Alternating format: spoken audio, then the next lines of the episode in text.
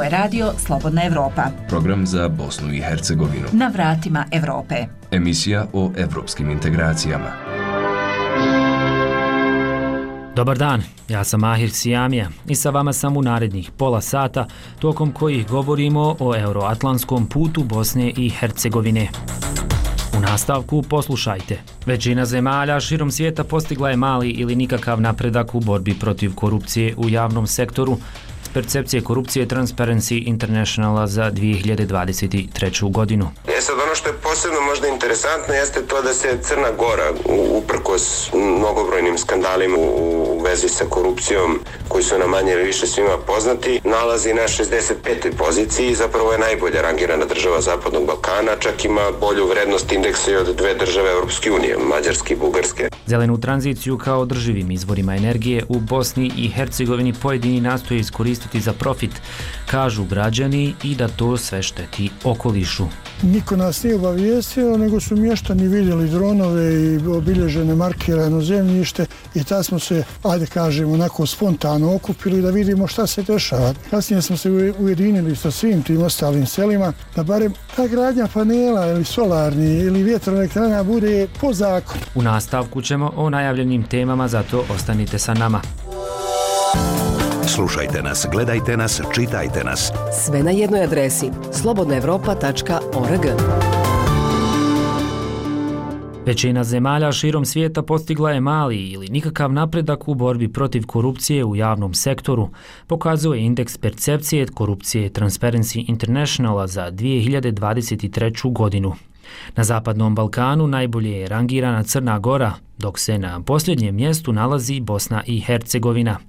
Iz Transparencija poručuju da borba za pravdu i borba protiv korupcije ide ruku pod ruku sa svjetskim vladama, predlažu da jačaju nezavisnost pravosudnog sistema kao i da ga učine transparentnijim. Akcente i izvještaja poslušajte u prilogu Tijane Radulović.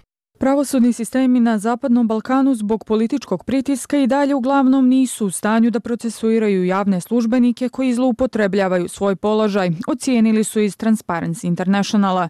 Takozvani CPI rangira 180 zemalja i teritorija prema njihovim percipiranim stepenima korupcije u javnom sektoru na ljestvici od nula, što znači visoku korumpiranost, pa do stotinu, što označava zemlju bez korupcije.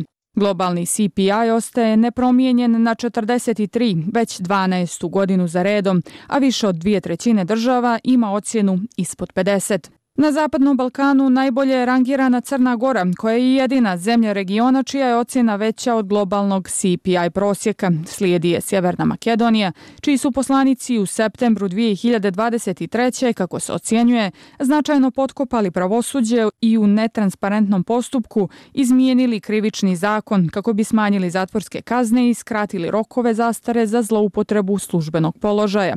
Niže na CPI listi su Kosovo, Albanija i Srbija. Transparency navodi da u najgore rangiranoj državi regiona Bosni i Hercegovini vodeće etničke političke stranke kontrolišu pravosuđe i ometaju napore u borbi protiv korupcije, a istovremeno ne rješavaju ozbiljne skandale u državi. Potencijalno usvajanje najnovijeg zakona o imunitetu u Republici Srpskoj prijeti i onako krhkoj vladavini prava u Bosni i Hercegovini. CPI bilježi globalni pad pravde i vladavine prava još od 2016. godine, čemu je doprinio uspon autoritarnosti u pojedinim zemljama. Ipak, mehanizmi kojima se vlade drže pod kontrolom oslabili su čak i u demokratskim političkim uređenjima. Danska je na vrhu indeksa već šestu godinu za redom, a prate Finska i Novi Zeland. Na dnu CPI nalaze se Somalija, Venecuela, Sirija i Južni Sudan, države koje su pogođene dugotrajnim krizama, uglavnom oružanim sukobima. Ukrajina je uprkos agresiji Rusije nastavila svoj 11-godišnji uspon na CPI-u fokusirajući se na reforme pravosuđa. Ipak, postojanje značajnog broja slučajeva korupcije na visokom nivou i dalje je veliki razlog za zabrinutost u toj državi. Transparency International poručuje da borba za pravdu i borba protiv korupcije idu ruku pod ruku, jer korupcija cvjeta tamo gdje pravosudni sistem nije u stanju da održi vladavinu prava. Zato ta organizacija predlaže vladama da jačaju nezavisnost pravosudnog sistema, kao i da ga učine transparentnijim. Preporučuju i uvođenje mehanizama monitoringa kako bi se spriječila zloupotreba pravosudnih funkcija, ali i promociju saradnje unutar samog pravosuđa. Transparency zaključuje da kada nacionalno pravosuđe ne želi ili nije u stanju da sprovodi mjere u slučajevima visoke korupcije, međunarodne pravosudne institucije mogu da odigraju ključnu ulogu u borbi protiv nekažnjivosti vođenjem velikih korupcijskih postupaka. Za Radio Slobodna Evropa, Tijana Radulović. Šta je indeks percepcije korupcije? Transparency Internationala i na koji način se mjere podaci, pitali smo eksperta za antikorupcione politike iz Centra za evropske politike iz Beograda, Andreja Mladenovića. Indeks e, percepcije korupcije rangira nekih 180 država i teritorija na osnovu percepcije nivoa korupcije na skali od 0 do 100, gde je 0, 0 e, znači da je korupcija u državi na veoma visokom nivou, a 100 znači da praktično nema e, korupcije, to je da je bar takva percepcija. E sad u praksi naravno nema takvih slučajeva ni 0 ni 100. E sad ono što je posebno možda interesantno jeste to da se Crna Gora uprkos mnogobrojnim skandalima u, u vezi sa korupcijom koji su na manje ili više svima poznati, nalazi na 65. poziciji i zapravo je najbolja rangirana država Zapadnog Balkana, čak ima bolju vrednost indeksa i od dve države Europske unije, Mađarske i Bugarske. I u tom kontekstu važno je napomenuti dakle, da ovaj indeks ne meri stvarnu količinu korupcije, već percepciju korupcije među stručnjacima i poslovnim analitičarima. Dakle, indeks u suštini koristi podatke iz više izvora, ima čak 13 anketa koje prikupljaju, na primjer, Svetska banka, Svetski ekonomski forum i tako dalje, i to u više oblasti, odnosno kategorija, na primjer, mito, zloupotreba javnih prihoda, pravni okvir, zaštitu uzbunjivača i slično, ali istovremeno treba reći da indeks ne obuhvata, na primjer, podatke o nekim jako bitnim stvarima poput poreskih prevara, pranja novca, nelegalnih financijskih tokova i slično. Tako da indeks generalno, generalno ponekad može da nam pruži drugačiju sliku od one koju očekujemo između ostalog i zbog naših često pogrešnih pretpostavke o tome šta je korupcija. Kako se boriti protiv korupcije na Zapadnom Balkanu, Mladenović objašnjava. Kako bi borba protiv korupcije imala rezultate, preduslov je, dakle, po mom mišljenju da postoji pre svega uspešna koordinacija aktivnosti između svih, svih ključnih aktera, odnosno između i državnih institucija i civilnog društva i medija i građana.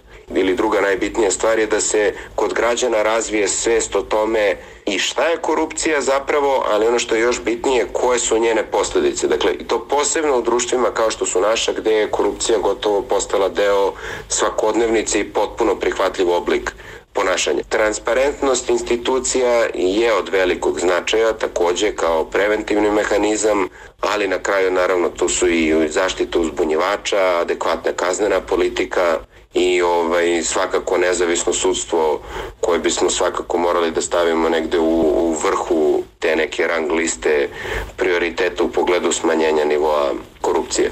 Koliko su antikorupcione politike i vladavine prava bitni za integraciju u Evropsku uniju, za radio Slobodna Evropa pojašnjava Mladenović. Dakle, Evropska unija želi da njene nove članice prosto dele sa njom temeljne, temeljne vrednosti, a temeljne vrednosti uključuju i poštovanje pravne sigurnosti, ljudska prava, demokratske principe, jer članstvo u Evropskoj uniji donosi se sobom određeni set privilegija poput pristupa između ostalog pristupa jedinstvenom tržištu, ali je takođe povezano sa obavezama. Dakle, a to obaveze podrazumevaju održavanje visokih standarda u ovim oblastima, dakle, ljudskih prava i demokratije. Tako da je nužno da, da zemlje kandidati poput Srbije aktivno rade na unapređenju vladavine prava kako bi doprinele jačanju tih zajedničkih evropskih vrednosti. Ovo je bio razgovor sa Andrejem Mladenovićem, ekspertom iz Beograda. Radio Slobodna Evropa emisija o evropskim integracijama. A sunčane dane na jugu Bosne i Hercegovine nastoje iskoristiti i vlasti građani. No, da li je zelena tranzicija kao obnovljivim izvorima energije prilika za profit na uštrb okoliša i interesa građana? Poslušajte u prilogu Ediba Bajrovića.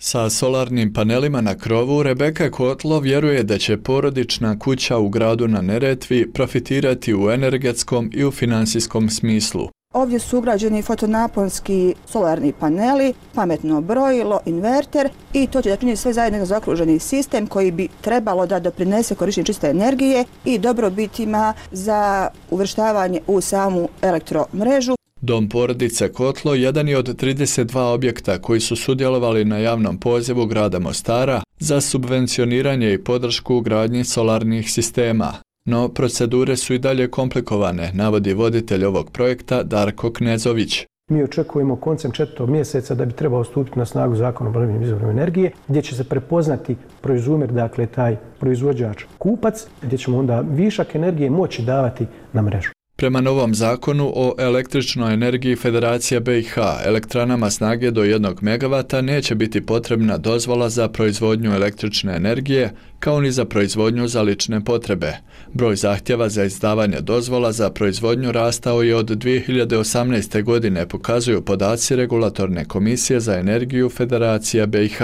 Nova zakonska regulativa će doprinijeti još većem rastu, navodi federalni ministar energije Vedran Lakić. Smatram da je bitno što smo kroz ove zakone pojednostavili mnoge procedure, da sav kapacitet koji ima kada je u pitanju sunce, pa da kažem i vjetar i voda, može u narednom periodu da nam obezbijedi da pokušamo biti neovisni kada je energija, proizvodnja električne energije u pitanju. Grad Mostar se, kako tvrdi gradonačelnik Mario Kordić, opredijelio za energetski održiv razvoj, Usvojena je i deklaracija Grad Mostar, grad dobre energije. Mostar je jedan od gradova koji ima ponajveći broj sunčanih dana kroz godinu.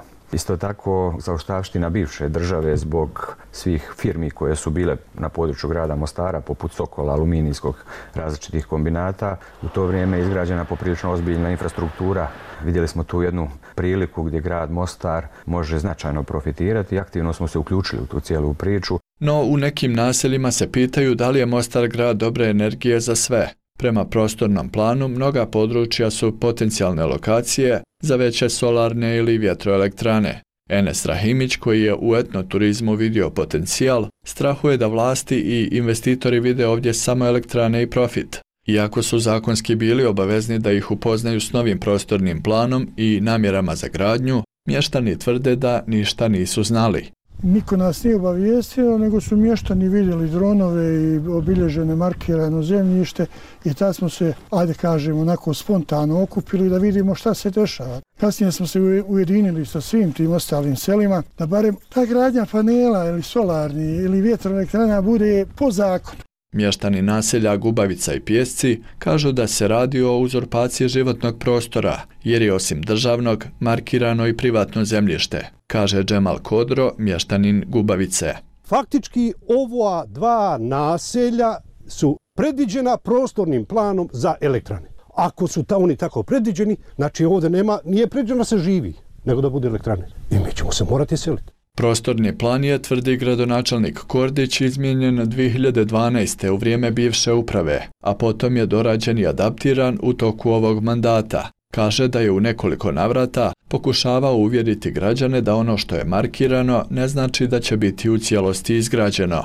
Tad je dosta komotno su planirane te lokacije, međutim to nijukom slučaju ne znači da će tamo gdje je markica biti od do postrojenje montirano. Bosna i Hercegovina se preuzimanjem brojnih EU direktiva ranije i potpisivanjem Sofijske deklaracije obavezala da će raditi na uvođenju čiste energije u svim ekonomskim procesima. Pitali smo i resornog federalnog ministra može li čista energija pomiriti čist okoliš i čist profit. Trebamo naći kompromis, ne preći granicu gdje ćemo uticati na životnu sredinu i naravno na život naših sugrađana na tim područjima. U Bosni i Hercegovini je tokom 2022. godine proizvedeno više od 15.000 gigavat sati električne energije. Solarne elektrane su od toga proizvale tek 117 gigavat sati. Za radio Slobodna Evropa, Edib Bajrović. Predstavnici sedam naselja sa šireg područja okoline Mostara održali su u centru toga grada uličnu akciju podijeli informativnih letaka građanima.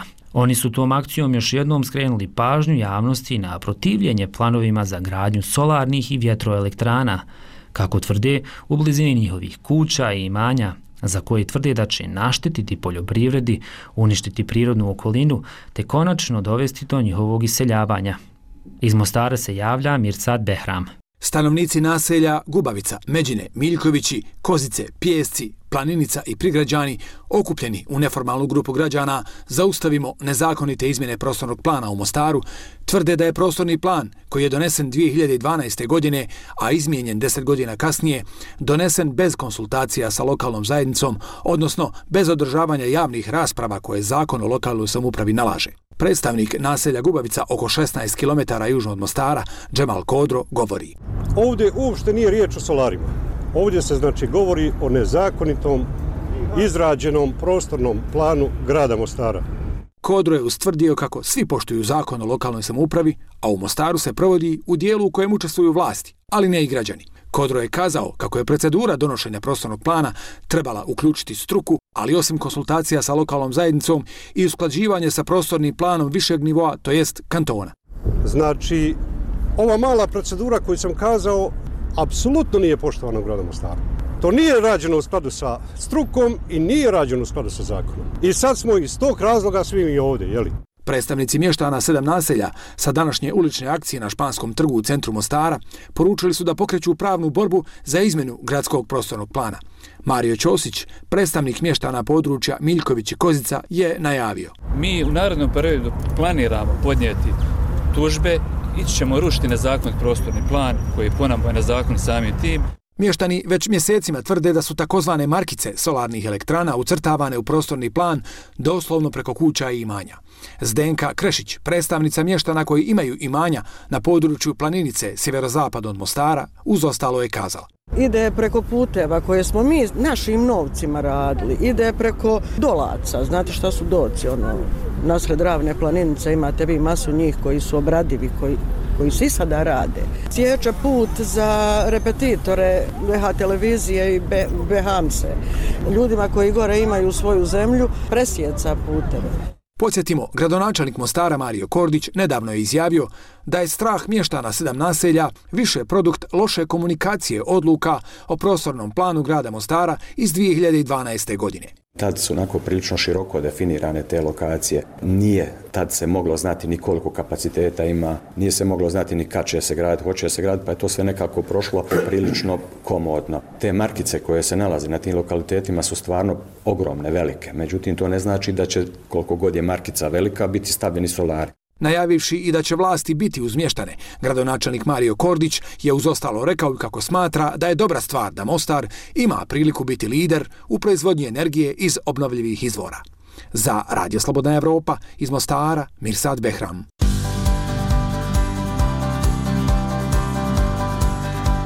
Mladi su naša budućnost. Mladi su naša budućnost. Mladi su naša budućnost. Na mladima svijet ostaje. Na mladima svijet ostaje. Na mladima svijet ostaje. Dajte mladima šansu. Dajte mladima šansu. Dajte mladima šansu. To je ono što se govori, a čujemo. Mladi ovakvi, mladi onakvi, apatični, nezainteresovani. Mladima je sve jasno. Oni u suštini razumiju da se njima ovde niko ne bavi, da su oni ovde, kako da kažem, trenutno su glasačko telo, a u slučaju frke mogu da budu i topovsko meso, pa to, ili si meso ili si telo. Da li se glas mladih čuje? Bosna nije, nije zemlja gdje se da nekako mladima puno prilika, ne da im se do znanja da mogu imati glas, da nose glas, da su bitnije. A šta nam oni mogu ponuditi? Hvala vam ljudi što slušate ovo, ako vas mogu ponuditi jednom glumom od koje ja živim, Jedan podcast nudi im da kažu ko su i šta rade. I tada mi je rekao fizički interspolna osoba. E ja gledam u njega, mislim ono, ja gledam u njega. Čovjek gleda u mene i ono, ja ne znam uopće, mislim šta sam ono. Da li se ovaj ženski futbal kod nas idalje percepira kod je ovako iz druge planete skroz? Pa percepira, zato što kod nas sve percepira kod je iz druge planete. Ali smo u našoj planeti najbolje i onda se i ta planeta ovdje približila ljudima i postala zanimljiva i lijepa, tako da smo donijele planetu u našu zatvorenu balku, balkonsku. Hrvatsku. Ćao svima, ja sam Marko Šelić-Marčelo, a vi slušate podcast Glasom mladih. Jedan od redkih koje zaista vredi slušati ovih dana. Slušajte nas svake subote na podcast aplikacijama. Biti pripadnik nacionalnih manjina u Bosni i Hercegovini znači nemati pravo biti biran za člana predsjedništva Bosne i Hercegovine ili delegata u gornjem domu državnog parlamenta – To pravo im ne daje sadašnji ustav Bosne i Hercegovine, donesen u okviru Dejtonskog mirovnog sporazuma iz 1995. godine, kojim je zaustavljen rat u ovoj zemlji. Ekskluzivno pravo da budu birani na ove pozicije Ustav daje samo pripadnicima takozvanih konstitutivnih naroda, bošnjacima, srbima i hrvatima. Više poslušajte u prilogu Ermina Zatege. 21-godišnji Almir Agić iz Ilijaša pored Sarajeva kaže da se u njemu rodila jaka potreba za pravdom i ravnopravnošću nakon što se društveno aktivirao kroz volontiranje i aktivizam u nekoliko nevladnih organizacija. Sa diskriminacijom se susreo još kao dijete, mnogo prije nego što je i čuo za Ustav Bosne i Hercegovine. Kada je shvatio da je diskriminacija prema Romima utemeljena i u državnom ustavu, To je, kaže, dodatno učvrstilo njegovu želju i motivaciju da se bavi aktivizmom i društvenim radom, te da nastavi da se obrazuje i upiše fakultet političkih nauka.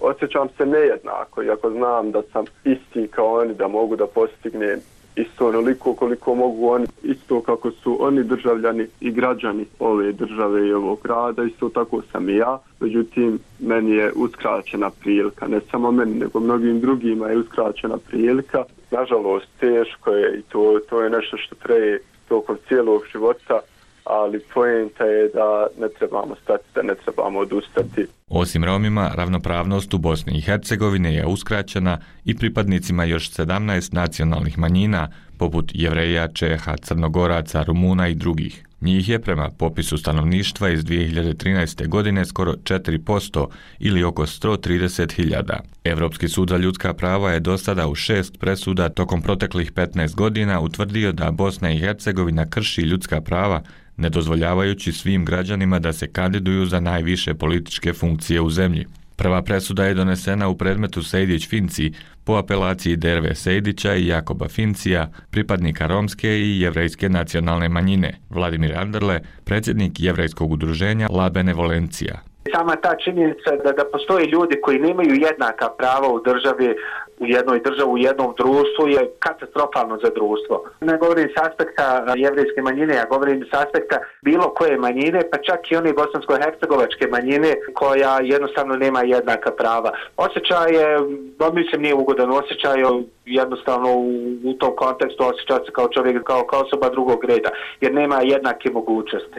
Dakle, mi ovdje ne govorimo o samom tom e, želji e, da, da imamo nekoga ko će predstavljati, ne, nego govorimo o jednakim mogućnostima koje želimo da imamo kao punopravni građani Bosne i Hercegovine, koji plaćamo porez ovoj državi, kojoj mhm. aktivno učestvujemo u tim nekim društvenim političkim uh, relacijama, tako da smatram da, da ta činjenica je nešto što, će, što unazađuje državu. Evropski sud je u presudama naložio vlastima Bosne i Hercegovine da brišu ili mijenjaju diskriminatorske odredbe iz Ustava.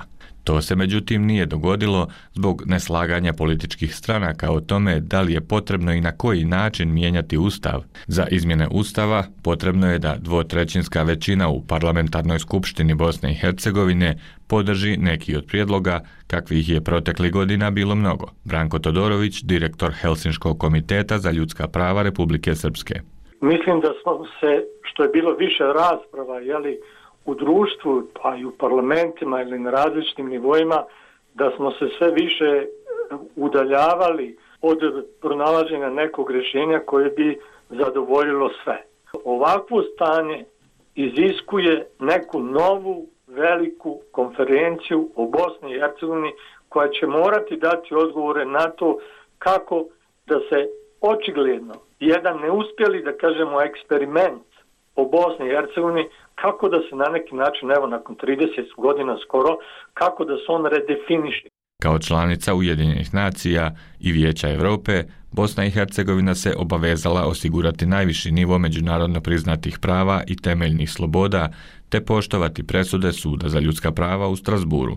Osim presude Sejdić-Finci, ovaj sud je diskriminaciju u Ustavu Bosne i Hercegovine utvrdio i presudama Zornić, Pudarić, Pilav, Šlaku i Kovačević protiv Bosne i Hercegovine. Nijedna od presuda nije provedena. Za radio Slobodna Evropa, Ermin Zatega. Slušate program radija Slobodna Evropa. Imamo zajedničku viziju. Slijedimo svoju misiju. Profesionalno, informativno, zanimljivo. Radio Slobodna Evropa.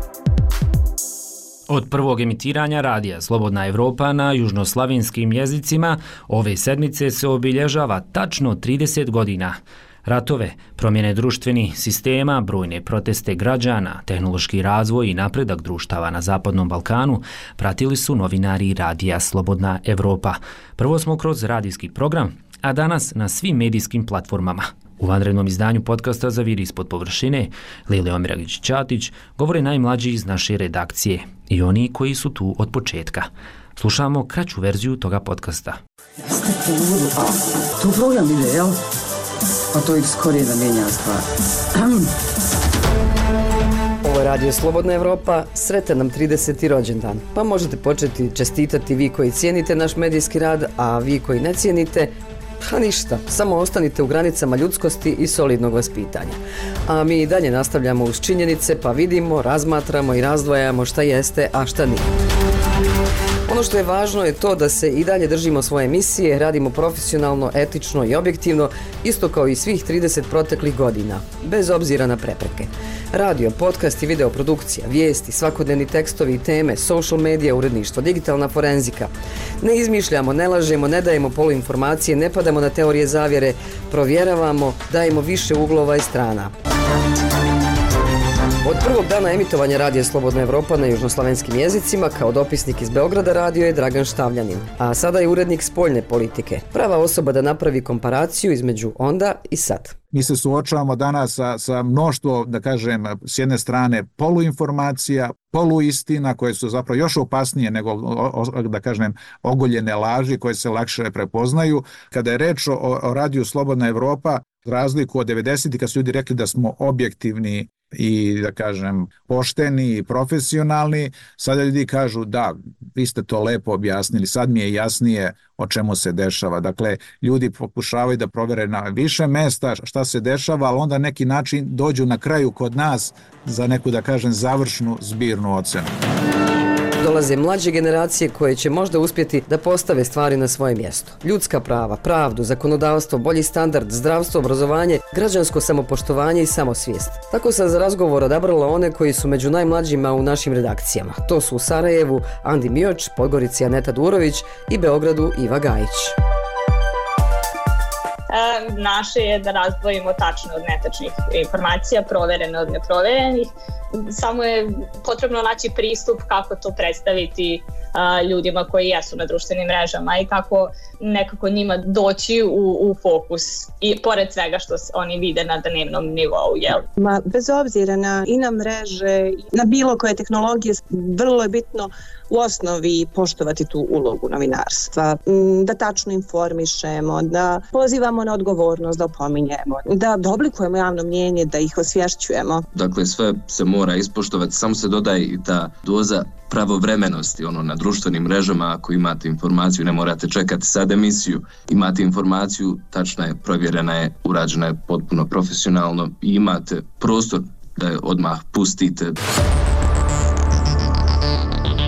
I na koncu, glavni i odgovorni. To je Miloš Teodorović, koji je trenutno vršilac dužnosti direktora Balkanskog servisa Radija Slobodna Evropa. Ja sam uveren da Slobodna Evropa jeste mesto da se mogu naći objektivne, profesionalne informacije oslonjene na činjenice koje niti tabloidiziraju stvarnost, niti preveličavaju događaj, niti ga umanjuju, nego se drže činjenica i to je u ovom medijskom intenzivnom prostoru kakav mi danas imamo na sve strane jako teško, jer to jeste i absurd vremena. Vi s jedne strane imate hiljade i milione izbora, ali je jako teško pročitati šta su činjenice. E to je ta avantura u kojoj smo mi trenutno. Pronaći i identifikovati činjenice. I to se pokazuje kao težak zadatak. I nemojte lutati kroz bespuća interneta, posjetite svaki dan slobodnaevropa.org. To je dom, zbirno mjesto za sve informacije i priče o kojima se treba znati. A tačne i provjerene. Ja sam Lejla Omeregić-Ćatić i pozdravljam vas u ime svih nas.